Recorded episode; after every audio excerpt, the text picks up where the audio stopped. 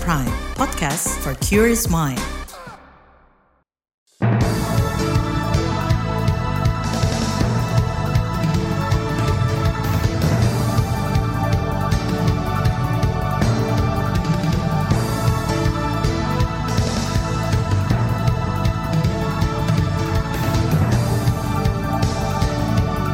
Selamat pagi saudara, senang sekali kami bisa menjumpai Anda melalui program Buletin Pagi edisi Jumat 26 Mei 2023 bersama saya Naomi Liandra.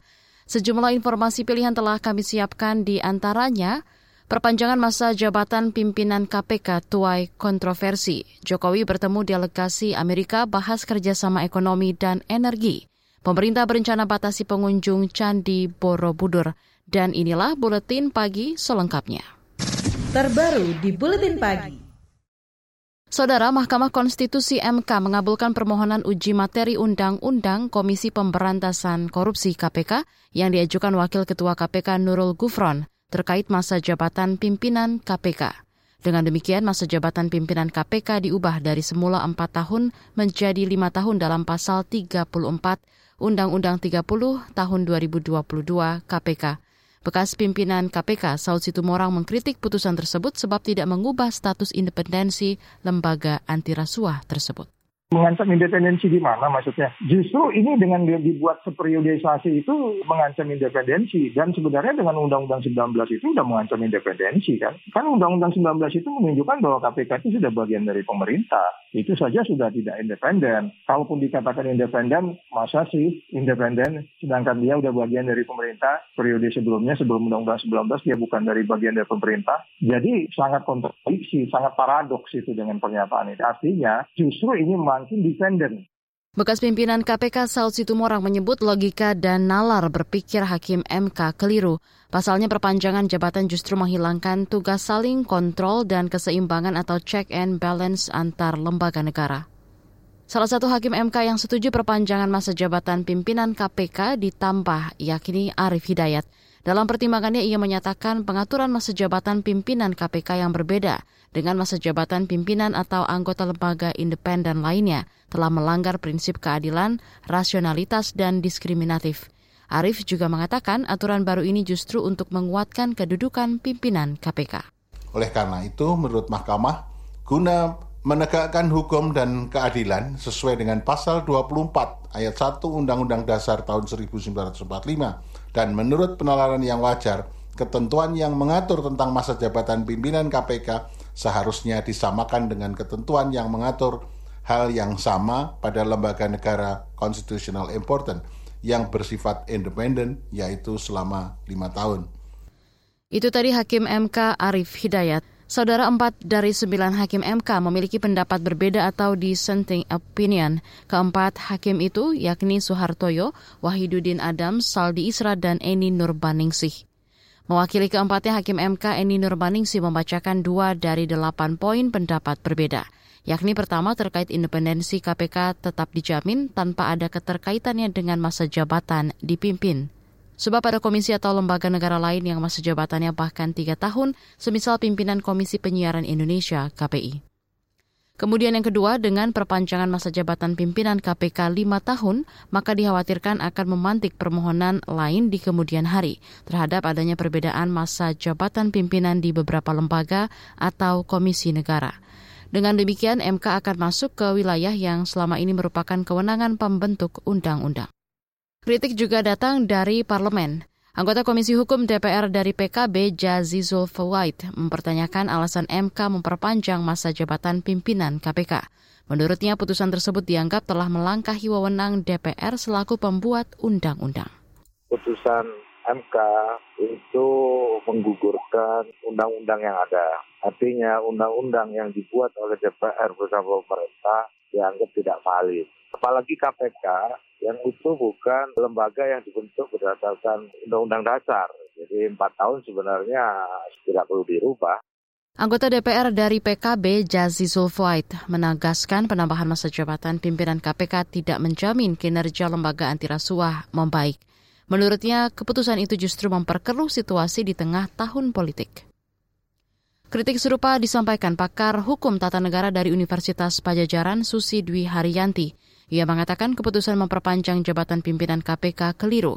Selain itu, pertimbangan keadilan juga tidak relevan dengan masa jabatan di lembaga anti rasuah. Tidak bisa menjamin, Mbak, karena efektivitas pelaksanaan fungsi sebuah lembaga itu tidak hanya ditentukan oleh satu faktor, tapi ada faktor-faktor lain yang lebih penting, yaitu leadership kepemimpinan, faktor integritas. Saya mengatakan bahwa putusan MK memperlihatkan bahwa K itu sudah bertindak diskriminatif. Pakar Hukum Tata Negara dari Universitas Pajajaran Susi Dwi Haryanti menambahkan keputusan tersebut tidak bisa menjamin kinerja KPK lebih baik, sebab putusan itu berpotensi menimbulkan polemik di ruang publik. Di lain pihak, pemerintah menyatakan bakal mengikuti keputusan MK. Itu disampaikan Wakil Presiden Ma'ruf Amin merespon dikabulkannya perpanjangan masa jabatan pimpinan KPK menjadi lima tahun. Ya saya kira itu kan memang putusan MK itu kan uh, final and binding. Jadi itu sudah menjadi menjadi apa ya? menjadi ketentuan. Oleh karena itu pemerintah di sini kan menerima ya keputusan Mahkamah Konstitusi. Wakil Presiden Ma'ruf Amin berharap perpanjangan tersebut akan membuat kinerja KPK dalam memberantas korupsi kian efektif. Sementara itu, saudara, sehari sebelum putusan MK, pemerintah lewat Menteri Sekretariat Negara Pratikno sempat mengumumkan bakal membentuk panitia seleksi calon pimpinan KPK. Sebab sesuai undang-undang, masa jabatan Firly Bahuri dan kolega bakal habis pada 20 Desember 2023. Saudara Presiden Joko Widodo sampaikan komitmen kerja sama bilateral Indonesia dan Republik Islam Iran. Tetaplah di Buletin Pagi KBR. You're listening to KBR Pride, podcast for curious mind. Enjoy!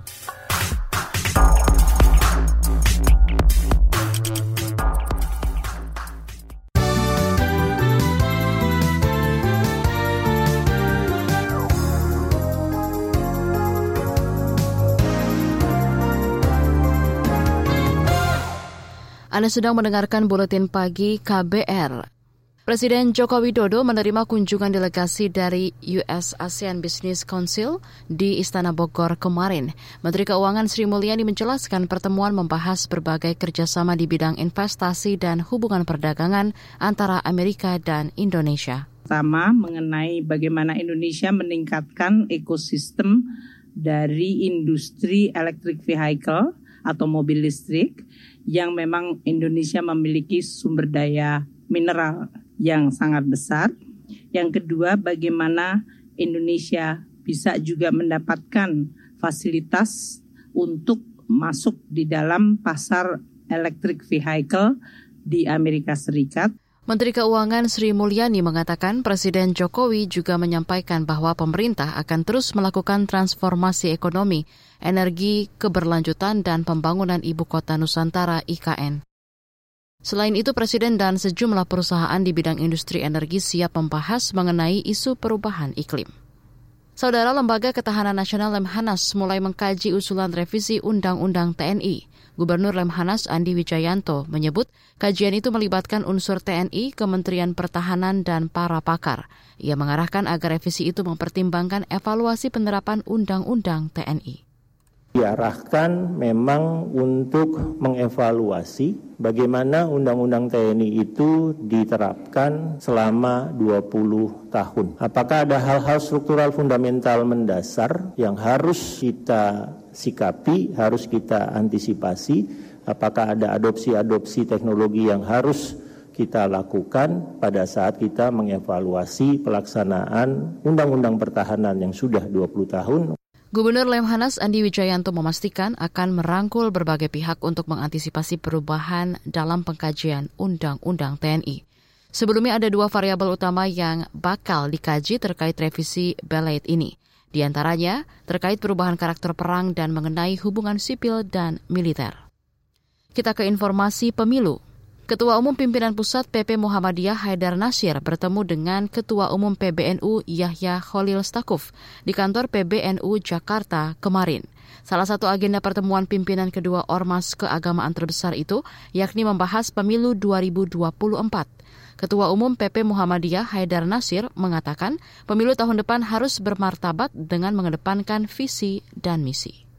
Kepemimpinan moral satu istilah yang kita sepakati yang bisa mendrive uh, kontestasi itu bahkan siapa pun nanti yang terpilih baik di eksekutif pun legislatif betul-betul kepemimpinan yang tahu benar salah baik buruk pantas tidak pantas dalam berpolitik sehingga tidak bersifat siapa dapat apa dan bagaimana caranya gitu ya. Ketua Umum PP Muhammadiyah Haidar Nasir menambahkan pihaknya bersama PBNU juga membahas soal kemiskinan. Dia mendorong negara segera mewujudkan ekonomi berkeadilan bagi rakyat di tanah air.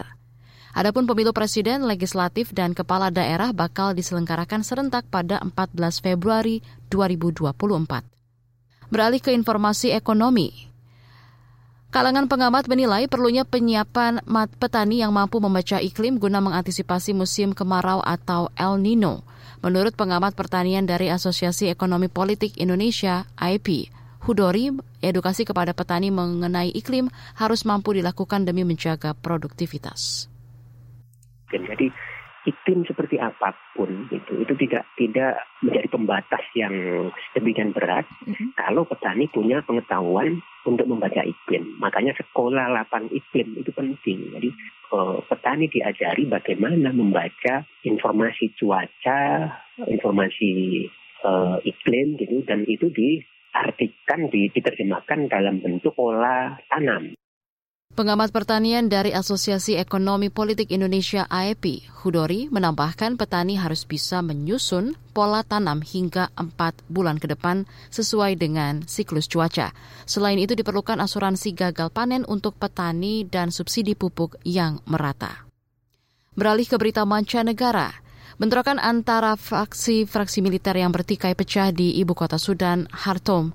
Keadaan ini mengancam gencatan senjata yang dirancang untuk memungkinkan pengiriman bantuan dan penghentian konflik. Dilansir dari Reuters, pertemuan di ibu kota Sudan ini terjadi pada pertengahan April antara tentara bersenjata negara itu melawan pasukan paramiliter Rapid Support Force RSF yang kuat. Konflik Sudan memaksa lebih dari 1,3 juta orang meninggalkan rumah mereka dan mengancam akan mengguncang wilayah yang lebih luas. Bergeser ke Asia Tenggara, kapal penangkap ikan Cina yang terbalik di Samudra Hindia pada pekan lalu telah tenggelam. Dilansir dari antara, Kementerian Perhubungan Cina menyatakan lokasi kedalaman air tempat kapal tenggelam sekitar 5.000 meter. Dari peristiwa tersebut hanya tujuh jenazah yang berhasil ditemukan. Kapal karam Lupeng Yuanju 028 memiliki 39 awak kapal yang terdiri dari 17 pelaut Cina. Kapal tersebut membawa 17 warga negara Indonesia dan 5 warga Filipina. Beralih ke berita olahraga, Leo Roli Karnando, Daniel Martin mengalahkan He Chi Ting So Hao Tong pada babak kedua turnamen bulu tangkis Malaysia Masters 2023 kemarin. Ganda putra merah putih ini berhasil mengatasi perlawanan pasangan Cina dengan kemenangan dua set langsung 21-14, 21-13. Sebelumnya dua wakil ganda putra Indonesia lain yang berlaga pada babak kedua Malaysia Masters 2023 meraih hasil berbeda. Kevin Sanjaya Sukamulyo, Markus Fernaldi Gideon kalah dari ganda Jepang Takuro Hoki Yugo Kobayashi. Sedangkan Muhammad Ahsan dan Hendra Setiawan menumbangkan ganda Taiwan, Lee Chehui dan Yang Penghuan. Di bagian berikutnya kami hadirkan laporan khas KBR tentang pro kontra pembentukan polisi RW. Tetaplah di Buletin Pagi KBR. You're listening to KBR Pride, podcast for curious mind. Enjoy!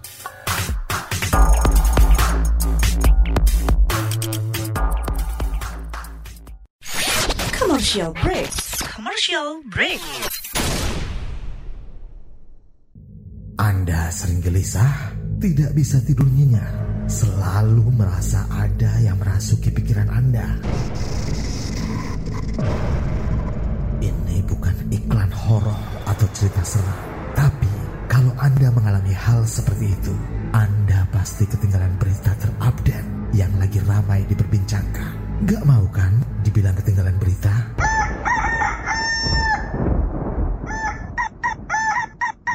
Makanya dengerin KBR Pagi, siaran pagi radio paling update menghadirkan narasumber yang terpercaya dan kredibel. Banyak lagu-lagu dari zaman old sampai zaman now. Setiap hari Senin sampai dengan Jumat mulai pukul 7 sampai 8 waktu Indonesia Barat. Bisa didengerin dari Aceh hingga Papua. Cukup satu jam saja untuk membuat kamu tetap update. Woi, ayam siapa nih? Berisik, saya mau dengerin kabar pagi.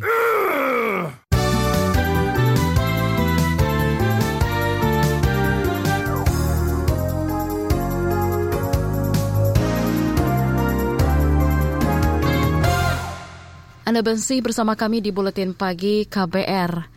Saudara Markas Besar Kepolisian Indonesia membentuk Polisi Rukun Warga atau Polisi RW. Menurut rencana, Polisi RW akan diterapkan secara nasional. Namun pembentukan Polisi RW menuai pro kontra. Sebagian bahkan curiga Polisi RW akan dijadikan alat politik pemilu 2024.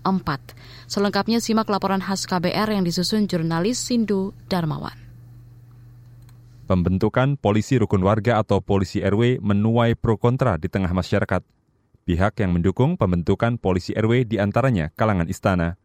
Meski begitu, tenaga ahli utama kantor staf presiden Ade Irfan Pulungan membantah adanya pembicaraan terkait rencana menjadikan program polisi RW sebagai agenda nasional. Nah, itu kan internal program yang ada di kepolisian. Apakah itu bagian dari sebuah reformasi hukum yang dibuat oleh kepolisian? Ya kan tidak harus dibicarakan di. Itu kan program-program internal. Nah, mungkin nanti koordinasi, koordinasi antar instansi-instansi terkait. Apa misalnya, ya apakah Kemendagri ya sebagai yang punya kewenangan dalam negeri mengatur infrastruktur yang ada sampai sampai ke tingkat RW. Mungkin bisa koordinasi dan itu kan. Tenaga ahli utama kantor staf presiden Ade Irfan Pulungan mengatakan pembentukan polisi RW dianggap dapat meningkatkan rasa keamanan bagi masyarakat. Irfan menegaskan polisi RW tidak berkaitan dengan agenda politik jelang pemilu. Program Polisi Rukun Warga atau Polisi RW awalnya dibentuk Polda Metro Jaya. Program ini digagas Kepala Badan Pemelihara Keamanan Polri, Fadil Imran, dan mendapat persetujuan Kapolri Listio Sigit Prabowo. Fadil Imran mengatakan polisi RW akan bekerja sama dengan perangkat RW di daerah untuk mengasesmen keamanan. Menurut Fadil, polisi RW bisa diminta membantu tugas pemerintah daerah di level RW mulai dari sosial ekonomi masyarakat hingga menangani kasus tengkes atau stunting dengan masyarakat. Sehingga sosok polisi sebagai pelindung, pengayom, pelayan bisa. Bagaimana caranya? Tentu polisi harus hadir di tengah-tengah masyarakat, di basis komunitas. Kepala Badan Pemelihara Keamanan Polri Fadil Imran mengatakan, polisi RW akan dikoordinasikan oleh Babin Kamtipmas atau petugas Polri di tingkat desa atau kelurahan. Ia berharap tugas Babin Kamtipmas akan lebih mudah dengan kehadiran polisi RW. Dukungan pembentukan polisi RW juga disampaikan Komisi Kepolisian Nasional Kompolnas. Komisioner Kompolnas Pungki Indarti mengatakan program tersebut sangat membantu untuk memperkuat tugas Babin Kamtipmas yang kini jumlahnya masih kurang di daerah. Nah, eh, dengan adanya polisi RW, kami berharap koordinasinya nih yang penting. Jadi koordinasi antara polisi RW dengan Babin Kamtipmas yang eh, berada di atau ditugaskan untuk menangani masalah-masalah di wilayah tersebut. Nah, itu satu. Kemudian kedua juga dengan stakeholders yang lain. Sejumlah daerah kini mulai menyiapkan polisi RW, misalnya Kepolisian Gresik, Jawa Timur. Kapolres Gresik Aditya Panji Anom mengatakan, polisi RW nantinya bertugas menggali informasi langsung dari masyarakat terkait pemeliharaan keamanan dan ketertiban masyarakat. Ia juga mengimbau para polisi RW memberikan kartu nama, nomor ponsel kepada ketua RW dan masuk di grup media sosial di tingkat RW. Namun pembentukan polisi rukun warga atau polisi RW menuai kritik dari kalangan DPR. Anggota Komisi Bidang Hukum DPR, Santoso, mengatakan peran Babin Kamtipmas atau petugas Polri di tingkat desa atau kelurahan semestinya lebih diperkuat daripada memunculkan polisi RW di tengah tahun politik. Cukup bagus wacana ini dilontarkan, namun untuk direalisasikan saat ini eh, menurut saya belum bisa mengingat kemampuan fiskal kita tidak mencukupi dan personilnya juga tidak cukup untuk menerjunkan uh, Polri di tiap RW di seluruh Indonesia ini. Gitu. Saat ini ya menurut saya dikuatkan saja peran Babin Kamtipmasnya dikuatkan, termasuk juga mungkin ditambah personilnya. Anggota Komisi Hukum DPR Santoso juga meminta pembentukan polisi RW dikaji ulang karena dikhawatirkan ada tumpang tindih tugas antara polisi RW dan Babin Kamtipmas. Selain itu, program polisi RW juga berpotensi menambah beban anggaran negara. Sementara itu pengamat kepolisian Bambang Rukminto menilai Program Polisi RW merupakan bentuk kegagalan Polri dalam membangun partisipasi masyarakat di bidang keamanan. Menurutnya, keberadaan Babin Kamtipmas yang memiliki program serupa tidak berhasil dimaksimalkan. Padahal amanat dari founding father kita kan membangun sistem pertahanan keamanan rakyat semesta. Kalau di bidang keamanan ya membangun sistem keamanan rakyat semesta dengan membangun partisipasi masyarakat. Dengan munculnya polisi RW ini, uh, polisi masuk uh, lebih dalam di tengah masyarakat. Ini artinya kan masyarakat selama ini partisipasinya ter tidak terbangun sehingga mereka uh, harus turun tangan gitu loh. Harus harus hmm. semua semua harus ditangani oleh kawan-kawan kepolisian. Pengamat kepolisian Bambang Rukminto menambahkan, rencana polisi RW sebagai program nasional tidak realistis realistis. Ia melihat program tersebut sebagai upaya menutupi kekurangan Babin Kamtipmas dan berpotensi menimbulkan kecurigaan sebagai alat politik di 2024. Demikian laporan khas KBR yang disusun dan dibacakan Sindu Darmawan. Informasi dari berbagai daerah akan hadir usai jeda. Tetaplah bersama Buletin Pagi KBR. You're listening to KBR Pride, podcast for curious mind. Enjoy!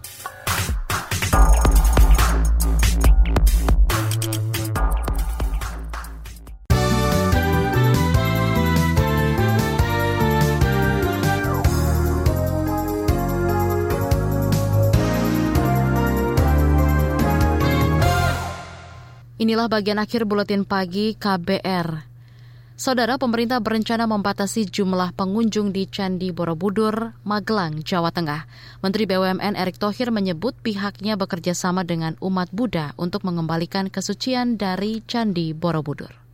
Karena itu kami dari Kementerian BUMN terus berinovasi. Seperti tadi yang kita diskusikan, kita membentuk zona-zona. Tidak lain untuk saling menghormati. Kita juga mengatur sistem bagaimana untuk yang ke Borobudur itu dibatasi dengan digitalisasi agar tidak ada kerusakan masif. Yang di mana ini sesuatu yang kalau hancur tidak mungkin ada lagi.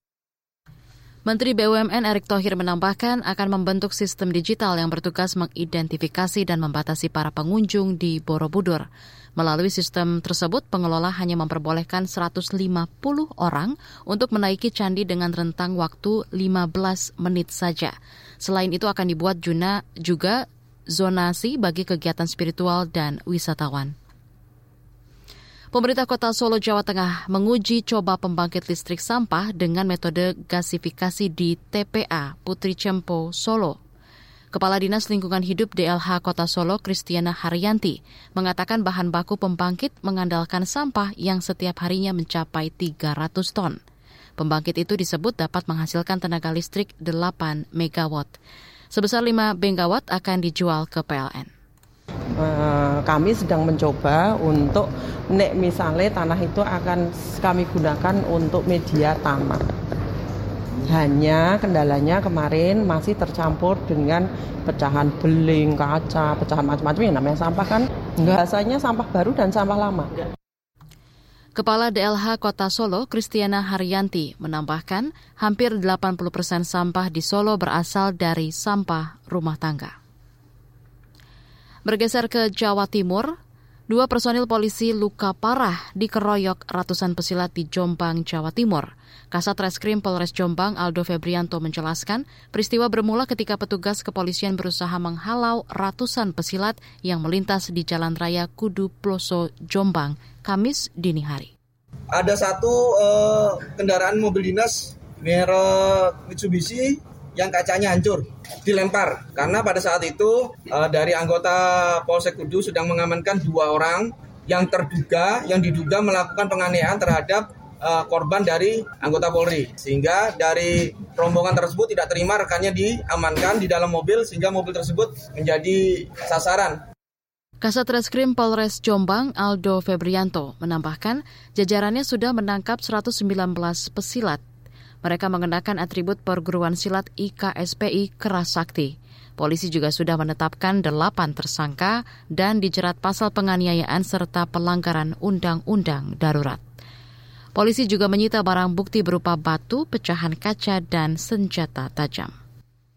Informasi tadi menutup jumpa kita di Buletin Pagi hari ini. Pantau informasi terbaru melalui kabar baru, situs kbr.id, Twitter at berita KBR, dan juga podcast di alamat kbrprime.id. Saya Naomi Liandra bersama tim yang bertugas undur diri. Salam.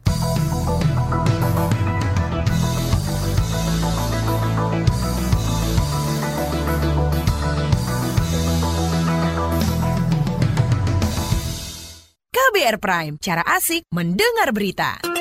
KBR Prime, podcast for curious mind.